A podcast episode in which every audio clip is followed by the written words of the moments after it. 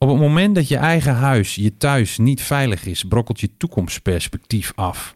Op het hoge land van Groningen groeit een generatie kinderen op in de veronderstelling dat het normaal is dat de overheid beloften niet nakomt. Dat vertelde Melissa Dales, geestelijk verzorger uit Loppersum, in de vierde week van de parlementaire enquête Gaswinning Groningen. Dit is naschokken.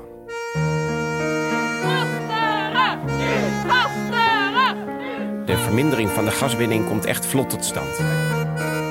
Ze liggen alles aan elkaar vast. Die word je niet goed van. Iedereen heeft er ontzettend lak aan hoe wij ons hier voelen. Het is een fact of life. Ik bied daarvoor namens de regering mijn welgemene excuses aan. In deze podcast van Dagblad van het Noorden hoor je wekelijks alles wat je moet weten van de parlementaire enquête gaswinning Groningen. En de commissie had al 124 besloten voorgesprekken gevoerd, meer dan 600.000 digitale documenten doorgespeeld en een 10 meter hoge stapel papier.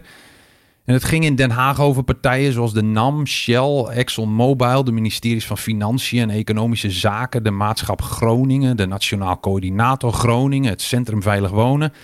En deze week kwam de commissie naar Groningen, want het moest ook maar eens gaan over de kinderen.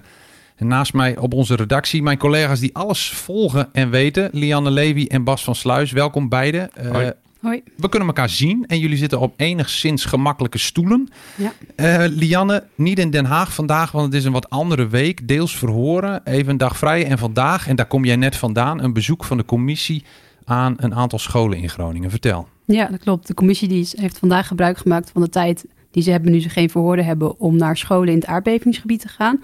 Ze waren vanochtend uh, opgesplitst. Uh, een groepje was in het Zand en een groepje was in Westeremden. En vanmiddag zijn ze naar Appingedam gegaan. En vanochtend was ik erbij uh, op de basisschool in het Zand. Hoe ging dat?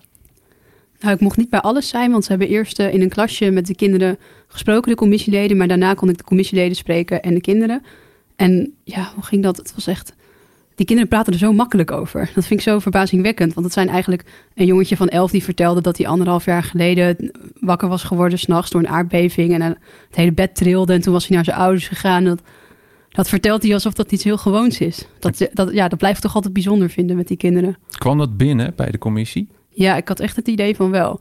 Ja, vooral bij Barbara Katman, die woont in Rotterdam, vertelde ze en uh, een van die kinderen had ook verteld dat ze les hadden gehad in nou, wat gebeurt er als er een aardbeving is en je bent op school, dan moet je onder de tafel duiken of onder de deurpost. Nou, ze zeiden, kan ik me gewoon niet voorstellen dat mijn kinderen zo'n les zouden krijgen. Ik had wel het idee dat het inderdaad echt binnenkwam. En in de kern, waarom doen ze dit nou? Omdat ze het belangrijk vinden dat de stem van kinderen ook wordt meegenomen in het onderzoek. Maar ze kunnen natuurlijk niet, ja, je kan niet een kind uh, naar Den Haag laten komen en verhoren. Maar ze lezen wel heel veel erover, ook uh, onderzoeken van de Rijksuniversiteit Groningen. Maar het is toch anders als je het van die kinderen zelf hoort. Gaan we terug naar Den Haag, want de week begon ook met kinderen. Want uh, Melissa Dales werd verhoord, opgegroeid in Loppersum. Ze studeerde in Groningen, keerde met een roeping, schreven jullie deze week al, terug naar het aardbevingsgebied als geestelijk verzorger. Met veel aandacht voor kinderen. We gaan even naar Melissa Dales luisteren en we horen in dit fragment eerst een vraag van de commissie. Dan in 2019 dan, uh, heeft u een interview in het Nederlands Dagblad. En dan vraagt u extra aandacht voor de jeugd. Ja. Waarom deed u die oproep specifiek voor die groep? Omdat dat de groep mensen is die langer in bevingsgebied leeft dan erbuiten. Die voelt dat dit normaal is. Maar dus ook het gevoel heeft dat het normaal is om zo met je burgers om te gaan die thuis hoort dat beloftes niet worden nagekomen, dat autoriteit niet luistert, dat het heel gewoon is dat procedures lang en ingewikkeld zijn en dus het vertrouwen kwijtraken in alles om zich heen. Niet meer gaan stemmen bijvoorbeeld omdat het toch geen zin heeft. Of niet meer luisteren naar de schooldirecteur of de juf of de meester. Want dat is ook autoriteit en autoriteit is onbetrouwbaar. En daar maak ik me zorgen over. En het zijn hele gezonde reacties van kinderen en de jeugd op een hele buitengewone situatie. Dus het is niet de jeugd die het probleem is, die heropgevoed moet worden. Het is het systeem eromheen dat zich op een gezonde manier moet gaan gedragen, zodat de mentaliteit anders kan worden. Ze spreekt zich heel duidelijk uit. Hè? Kwam dit goed binnen bij de commissie, uh, Lianne? Ja, ik denk het wel. Ja, het was zo rustig, maar toch ook heel, heel fel hoe ze dat zei. Je kon echt, nou, had het idee, komt wel echt uit, vanuit het hart. Ze maakte nog een ander duidelijk statement en dat was dit. Dat geld en electoraat belangrijker is dan de mensen. En is dat tot op de dag van vandaag zo? Ja. Ik denk ook dat dat in eerdere verhoren nu wel duidelijk is geworden. En dat we dat niet hebben durven vermoeden, maar dat dat toch nu wel zo blijkt te zijn. Ja, ik denk dat ze gelijk heeft. Dat is ook wat we tot nu toe veel hebben gehoord, toch Bas? Ja, ik bedoel, uh, vorige week nog uh, werd het gewoon ronduit erkend hè, door de oud-minister van Financiën bijvoorbeeld. En topambtenaren hebben dat ook al gezegd. Kijk, dat, dat, dat hebben we ook al eerder gezegd. We bevroeden het altijd al. En natuurlijk, uh, de inkomsten voor de Nederlandse staat, dus voor alle Nederlanders, die waren gewoon belangrijk. Maar zo belangrijk. Nou ja, en uh, mevrouw Dales, die, heeft daar, uh, die, die deed daar een heel juist appel op, denk ik. En ze, ze bracht het sereen, ze bracht het rustig. Uh, maar geloof mij, het kwam echt, echt goed over hoor. Even iets anders, of uh, iets anders, iets, iets luchtigs wellicht, zo zou je het kunnen noemen, maar wel over een serieus onderwerp natuurlijk. William Moorlach werd verhoord. ja. Oud Tweede Kamerlid van de PvdA, maar hij werd verhoord als oud-gedeputeerde van Groningen, uh, die zich heel veel met dit dossier bemoeide. Eerst even een korte compilatie. Dit is echt een uh, standvastige minister, is, uh, is dit. Als je, als je aan zo'n brief wilt gaan tornen, ja, dan kun je beter nog proberen om met je blote handen een heipaal van 18 meter lang uit de grond te trekken. Ik had ook wel eens het idee, jongens, we kunnen ons niet laten leiden door het tempo van de slakken. Ik heb Henk Kamp wel eens vergeleken met een callcenter. Als je tegen iemand van de callcenter uh, nee zegt, uh, ja, nee is geen nee. Twee keer nee is ook nog geen nee. En drie keer nee, nou, dan bedoelen ze misschien nee. En ik snap wel in de Haagse werkelijkheid, daar worden, uh, er worden uh, gauw appels met peren vergeleken om, om uiteindelijk knollen voor citroenen te kunnen verkopen. Bas, je hebt, een, je hebt een brede grijns op je gezicht. Was dit gek genoeg vermakelijk? Ja, ja, ik heb daar serieus waar met een grote glimlach gezeten. Kijk, ik ken William Moorlach ook een beetje als uh, iemand die met dit soort teksten, teksten komt. Ik kan me ook nog heugen, misschien weet jij dat ook nog. Hij heeft dus een keer gezegd, ja, de een die wil een paard en de ander die wil een dromedaris. En dan, wat, wat je dan krijgt is een, een of ander beest met een bult dat hinnikt. Nou ja, je moet er maar opkomen. Tegelijkertijd, hij had echt wel een serieuze boodschap. Um, en ik moet hier heel erg om lachen hoor, dat, laat dat duidelijk zijn. Ik heb het wel getweet ook nog van ja, het leidt wel een beetje af. Want hij, hij reigde deze, deze, dit soort teksten aan, aan één. Ja. Terwijl die boodschap van hem, nou, die was serieus. Want hij, hij zegt ook, net zoals Jelle van de Knoop, die stipte die, of die haalde die ook nog aan. Die heel, de hele rol van de Tweede Kamer, hè, hoogste orgaan van ons land, is gewoon niet goed geweest. Hij vertelde over busladingen vol met Groningers die naar Tweede Kamerdebatten gingen, omdat ze hoop hadden. Hoop dat er iets veranderd, uh, zou, zou veranderen. Maar uh, omdat de Tweede Kamer nou, de functie niet goed uitoefende volgens Moorlag, en hij, hij is daar overigens niet de enige in, kwamen er uiteindelijk gewoon geen bussen meer naar Den Haag. En dat, dat is wel heel erg veelzeggend, vind ik althans. Dus uh, ik heb enorm gelachen, of enorm gelachen, ik heb uh, binnensmonds moeten lachen om, uh, om meneer Moorlag, maar wel wel met een serieuze boodschap. Ja, de mensen uit Groningen die dit gehoord hebben, die uh, zullen gedacht hebben, als ze dat verhoor gehoord hebben, van uh, mooi verteld. wat heeft de commissie uit zijn verhoor kunnen halen dat van, dat, van belang is? Nou ja, kijk, hij stelde net zoals mevrouw Dales van, ja, Groningers die voelen zich tweederangs burgers. En net zoals heel veel mensen in de provincie, zijn zij bang dat er alsnog met een, zoals Moorlag zei, een begeerige blik naar Groninger gas gaan kijken. Hè. Je hoort, je hoort de, uh, de mensen die uh, meer verstand hebben van voetbal uh, commentaar geven. Die hoor je nu opeens roepen van laten we het gasveld van Groningen maar weer opengooien. Want nou ja, laten we daar ook nog maar even aan ons steentje aan bijdragen wat mij betreft. Ik spreek het staatstoezicht op de mijnen dan maar na en William Moorlag. Het is niet veilig. Nogmaals, het is niet veilig. Ik bedoel, uh, dit uh, heeft staatssecretaris uh, Hans Velbrief al menigmaal gezegd. Theodor Kokkelkoorn de, van het staatstoezicht op de mijnen. William Moorlag wederom tegen, tegenover de commissie. Het is niet veilig. Moorlag, ook oud Tweede Kamerlid, sprak ook over de Tweede Kamer, toch? Ja, nou, ik, ik stipte het net al, ook al aan, hè, dat hij zich zorgen maakt over hoe de Tweede Kamer hierin heeft geacteerd. Maar hij werd ook echt boos. En hij zei dat hij zich moest inhouden om niet te gaan vloeken. Want hij werd geconfronteerd met woorden van uh, oud P van de A-Kamerlid. Dus dat is eigenlijk een fractiegenoot van Moorlag. Uh, Jan Vos, die ook trouwens in deze weken is verhoord. En dat ging over het miljard van Max. Max van den Berg, ons alle bekend, oud-commissaris van de Koningin. En uh, zei, ja, Max heeft een steen in de vijver gegooid. Want er moest dan iets van economisch perspectief voor deze regio komen. Natuurlijk, schade moet hersteld worden. En hij vroeg een miljard euro. hij vroeg een miljard. En die Jan Vos die zei van, eh, wat een belachelijk, spiegeltjes en kraaltjes. En Moorlag, die, die, nou, die had al een rode kop, maar hij blies zichzelf bijna op, zeg maar. Zo, zo bozig werd hij. En nou, ja, dat vond ik wel een eh, typisch. En hij, hij zat er vrij politiek in, wat mij betreft. Maar ook wel met de houding van ik ga dit voor de Groningers even neerzetten. En dat is hem wel goed gelukt, vind ik. Die Tweede Kamer die kwam ook opdraven in de persoon van Lisbeth van Tongeren bijvoorbeeld, oud GroenLinks Kamerlid. Eh, wat ik mij herinner van gesprekken met, maar vooral ook over haar hier in de regio, was eh, dat ze best geliefd was onder de mensen. Zij deelde onder meer deze reflectie. Ik heb eh, als Kamerlid, maar ook samen met de hele Kamer, hebben wij in dit dossier gefaald. Ik heb gefaald. We hebben niet op tijd voldoende uh, verandering teweeg kunnen brengen als hoogste orgaan in onze democratische rechtsstaat. Maar dat is terugkijken op dat moment zelf. Had ik wel het idee van, nou, we trekken alles uit de kast wat we als uh, Kamerleden hebben.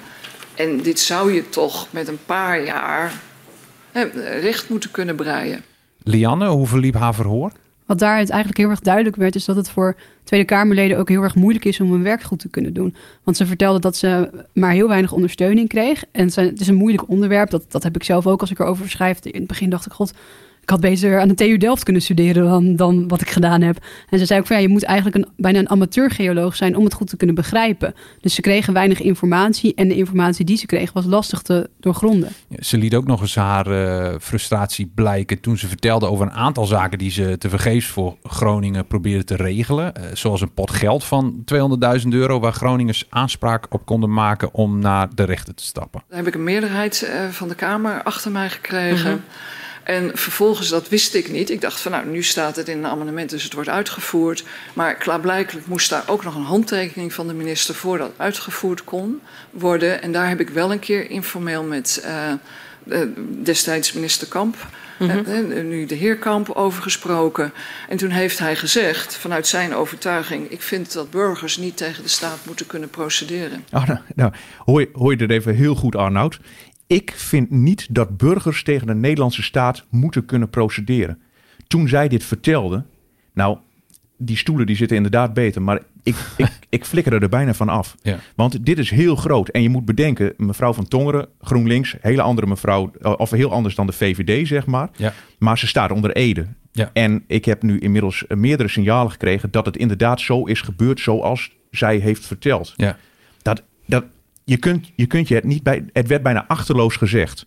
En ze zei wel van: het steekt mij nog steeds dat dat op die manier is ge, uh, gegaan. Ja. Maar um, ik vond dit een van de heftigste uitspraken van deze hele parlementaire enquête. Er zijn een paar geweest hoor.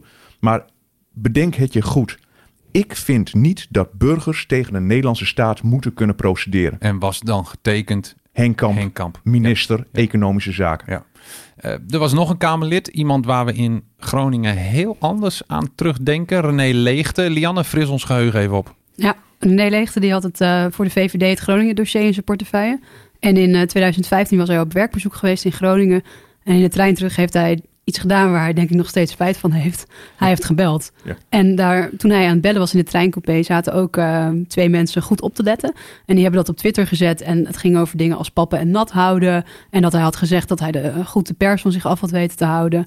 En vervolgens heeft hij dus uh, daarom uiteindelijk zijn portefeuille neergelegd. Is hij niet meer over Groningen gegaan.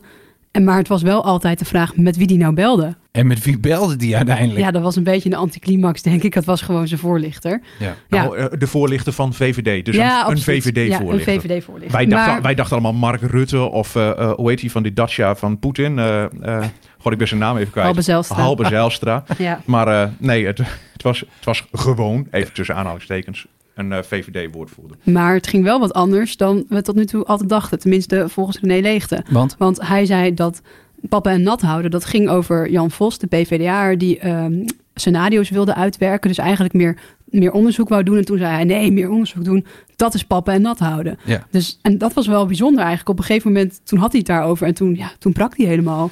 Het werd hem bijna te veel inderdaad. Dat is hoorbaar in dit fragment. Uh, gaat het over jou of gaat het over de inhoud? En ik vind dat het gaat over de inhoud. Dus door mij als persoon um, belangrijker te maken dan die inhoud, doet niet recht aan de onrust in Groningen. Ehm, genoeg over René Leegte, denk ik. Mwah, mag ik nog één puntje maken? Ja. Nou ja, ik, eh, ik bedoel, ik wil niet van de modepolitie zijn eigenlijk hoor. Maar de beste man die had zijn shirt open. Daar steed je tegenover de parlementaire enquête. Knoopje te veel of niet? Ach, drie knoopjes te veel, alsjeblieft zeg. Ik zat er ook naar te kijken. Ik dacht, die man is van de vrijdagmiddagborrel. Heeft hij een vrijdagavondborrel gemaakt en hij is net op weg naar huis. Het, ik ben het met je eens, het zag er niet uit. Ehm, enfin, de arbiter bodembeweging werd ooit in het leven geroepen om uitspraken te doen in langlopende geschillen tussen Groningers met schade en de NAM die het gas uit de bodem pompt. Een club bestaande uit oud-rechters. Lianne, een van hen werd eh, deze week verhoord. Ja, dat klopt. Dat was Pieter Schulting. En hij was van begin tot eind betrokken bij de arbiter bodembeweging. Dat was van 2016 tot 2020. En hij was echt ja, een oude, slimme meneer. En hij sprak heel erg rustig en gedegen. Maar als je goed oplette, hij zei dingen. Nou ja, dat vond ik echt wel ja, nou, wat, ik zou gewoon vertellen wat hij zei. Ja. Hij zei dat uh, in zaken met de NAM, dat de NAM dus probeerde om achteraf, als een uitspraak al was gedaan, dat terug te laten halen. Dus een onafhankelijk rechter, een arbiter die uitspraken doet en de NAM die is het daar niet mee eens en die gaat kijken, brieven schrijven, of ze daar dan toch nog even wat aan kunnen doen. Het is gewoon een ondermijning van de rechtsstraat eigenlijk. De, de NAM was namelijk uh, ontevreden over deze arbiter. Want die deed te vaak uh, uh, positieve uitspraken ten, ten, opzichte van de, de aardbevingsgedupeerden van, van Groningen. Ja, wat Lianne zegt, het is, het, het, is niet normaal eigenlijk als je dat... Hè, dus een man, een eloquente man, oud-rechter inderdaad, die doet daar zijn best om goed uitspraak te doen. En die krijgt gewoon de juristerij van de NAM achteraf. Dus achter de rug om. Niet, waar de andere procespartij dus niet bij aanwezig is. Bedenk het je even. En denk dan ook nog even aan wat Henk Kamp uh, zei, wat, waar Lisbeth van Tongeren het net over had. Ja. Ik bedoel, het is nogal wat. Hebben ze zich daardoor van de wijs laten brengen? Kan ik me niet voorstellen, een club oudrechters. Maar intimiderend zal het misschien geweest zijn. Of... Nou, nou dat, dat wel. Uh, ze hebben zich, hij zegt dat, uh, dat ze zich daar niet aan hebben gehouden. Hij zegt ook dat ze daar echt wel een waarschuwing aan hebben afgegeven. Maar de NAM deed gewoon een waarschuwing terug, zeg maar. Ja. Uh, moet je eens luisteren. Dan stappen we gewoon naar, naar een andere rechter. Hè? Ja. Van, we, we houden ons eigenlijk... Want ze hebben met elkaar afgesproken. Hè? We gaan naar de arbiter. En dat is dan bindend. Maar de NAM was op een gegeven moment hadden zoiets van ja, het komt ons niet meer uit. Dus dan uh, doen we het anders. Het zijn ontluisterende dingen die je soms hoort. In de rubriek Ik Kijk, volgende verslaggevers van Dagblad van het Noorden de verhoren samen met inwoners van onze provincie. In deze vierde week keken we onder andere met Cor Kruisinga, 52 jaar, uit Rasquet. Zowel zijn woning als bedrijfsgebouwen hadden of hebben schade. Hij kijkt niet alle verhoren, volgt wel het nieuws en wij stelden hem de vraag wat er nou moet gebeuren nu we los van deze parlementaire enquête in Nederland een energiecrisis hebben, stikstofproblemen, noem maar op. En hij zei: Ik heb er geen bezwaar tegen als ze weer meer gas gaan winnen als dat moet. Als er maar geen zware aardbevingen komen en er een fonds komt waar de overheid helemaal niks mee te maken heeft. En dat leek mij een mooi bruggetje naar volgende week.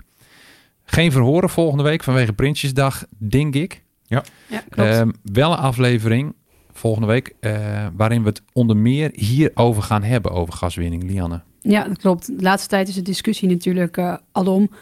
Heel makkelijk zeggen mensen dat het Groningenveld maar open moet. Uh, meer winnen in Groningen. Uh, Royal compenseren. Iedereen een Lamborghini, dat soort dingen. Mag ik nog even zeggen? Het is niet veilig. Ja, nou ja, dat wou ik eigenlijk ook zeggen. Maar pas was me vooraf. Maar het is wel een thema dat speelt in de samenleving. Ja. En het is ook een thema dat voor mensen in Groningen heel erg vervelend is. Dat ja. continue discussie. Terwijl het gaat over waar jij woont. En dat is een onderwerp waar we het volgende week met elkaar over gaan hebben. Ja. En er zijn ongetwijfeld dingen die in de afgelopen weken uh, gezegd zijn... waar misschien nog eens uh, de aandacht op gevestigd moet worden. Uh, hebt u nou als luisteraar vragen aan Bas of Lianne? Dingen die voorbij zijn gekomen, die extra uitleg behoeven. Wat dan ook. Stuur die naar gaswinning.dvhn.nl. Gaswinning, apenstaatje dvhn.nl. En dan gaan we kijken of we een paar van die vragen kunnen beantwoorden. En uh, Bas, jij wil nog even het laatste woord, want je had een avondklus gisteren. Ja, nou het laatste woord, ik wil eigenlijk altijd het laatste woord. Um, um, die avondklus is, uh, dat was eigenlijk respect voor Groningen. Het is tien jaar naar Huizingen, er zijn allerlei dingen georganiseerd, een maand lang acties. En er was een slotavonddebat, zeg maar, uh, op donderdagavond. Daar was oud-NCG, Nationaal Coördinator Groningen, Hans Alders, zat op het podium. Daar was onderzoeker van de rug Tom Posmes zat op het uh, podium. Hè, die heeft onderzoek gedaan naar de geestelijke gesteldheid van mensen. Uh, jullie, kennen hem ongetwijfeld allemaal. Uh, maar wie er ook zat, eh, de huidige staatssecretaris, Hans Veilbrief, verantwoordelijk voor mijnbouw. En die ging er harder in dan ik van tevoren had bedacht. Want ik denk, ach, interessant, ik ga even kijken. Maar hij had het over macht en tegenmacht. En hij vertelde dat hij ook nog gehoord moet gaan worden door de parlementaire enquêtecommissie. 12 oktober, schrijf in uw agenda. Ehm, en hij vertelde ook eh, dat hij enorm onder druk wordt gezet om die gaskraan van Groningen te openen. En dat het volgende week in de ministerraad gaat komen, volgende week vrijdag. En daar gaat hij uh, aan de ministerraad voorstellen. Uh, we houden de waakvlam gewoon nog een jaar open, zeg maar. Maar we gaan geen gas winnen uit Groningen. Ultimum remedium. Als er patiënten in een ziekenhuis in de kou komen te liggen of niet warm kunnen douchen, dan pas gaat die gaskraan open. Hartstikke goed. Maar hij, hij zei van, ik voel die kracht op mij, op mij werken. Ik voel die kracht echt op mij werken. Hij zegt, ik geloof er niks van dat jullie allemaal de Telegraaf lezen. Moet je ook niet doen. Maar dat is zo'n krant die elke dag probeert uh, uh, mij te over, over te halen om die gaskraan vooral open te houden. Dat soort harde teksten. En toen ging hij ook nog even over die parlementaire enquêtecommissie. Hij zegt, ik kan er niet al te veel over zeggen. Maar ik was aan het meepennen. Ik zat achter in de zaal. En hij zegt, weet je, ik ben uh, directeur-generaal energie geweest bij het ministerie van Economische Zaken. Daar gaan ze het met mij over hebben. Ik ben de thesaurier geweest onder oud-minister Jeroen Dijsselbloem. Daar gaan ze het met mij over hebben. Wat is een thesaurier? Dat is eigenlijk de hoogste financiële ambtenaar van het ministerie van Financiën. En uh, hij zegt, ik weet nu al dat ze aan mij gaan vragen in hoeverre en heb jij mensen onder druk gezet om ervoor te zorgen dat er extra gas werd uh, gepompt. Tien jaar geleden, hij is nu, mm -hmm. staat hij helemaal aan de kant van de Groningersviertel. Maar tien jaar geleden zat Groningen nog niet tussen zijn oren, zeg maar. Dus daar kan heel goed uitkomen dat uh, nou ja, hij dingen heeft gedaan dat ten goede van de staatskas, maar negatief voor Groningen. En toen wierp hij zelf al de vraag op: ja, en misschien moet ik dan wel weg en word ik weggestuurd. En als ik dan word weggestuurd door de Tweede Kamer, dat maakt mij geen bal uit. Want dit is toch mijn laatste werk, mijn laatste baan. Je had hem al eens uh, gevraagd of hij zich het offerlam uh, uh, voelde, toch? Van ja, dit, de allereerste keer dat hij naar Groningen kwam. Ik, ik, ik durfde het bijna niet te vragen, maar ik denk, ik moet het toch vragen. Meneer Velbrief, bent u het offerlam? En toen lachte hij wat. Hij zegt, ik vind het een mooi woord, maar daar denk ik totaal niet over na. Nou, me dunkt. En of hij erover nadenkt. Zulke vragen zijn jou wel toevertrouwd. Dan gaan we zo naar Ede. Um, elke vrijdagavond de belangrijkste en meest opvallende zaken in deze podcast van Dag van het Noorden. Volgende week aflevering 5. Mail ons je vragen. Gaswinning, apenstaatje, dvhn.nl. Aflevering 4 werd gemaakt door Lianne Levy, Bas van Sluis en Matthijs Zorgdrager. Met dank aan onze technische mannen Wim Brons en Jelle Haima. Mijn naam is Arnoud Bodde. Met dank aan Sophie Spoel was dit aflevering 4 van Naschokken. Het is de lucht achter Roeroezen, het is het torentje van Spiek. Het is de weg van langs klooster en de Westpolen langs de diek.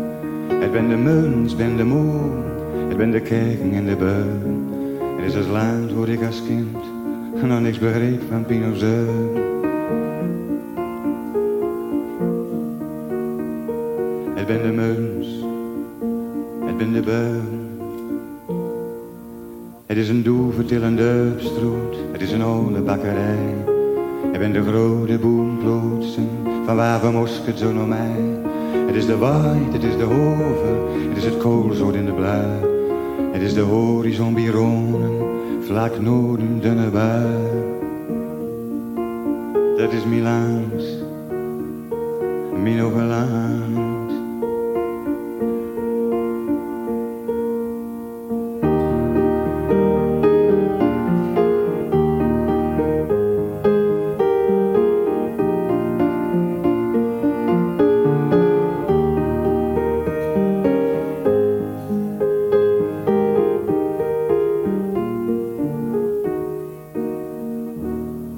Het is een mooie oom die mij een kouhuis doeknekt in het gruiluid. Ik heb voor het eerst hem overkeer en vuil de vonk van die naad. De wilde plan die ik had, komt zeker niks meer van terecht. Totdat de nacht van het hoge land een donker kleid over ons legt.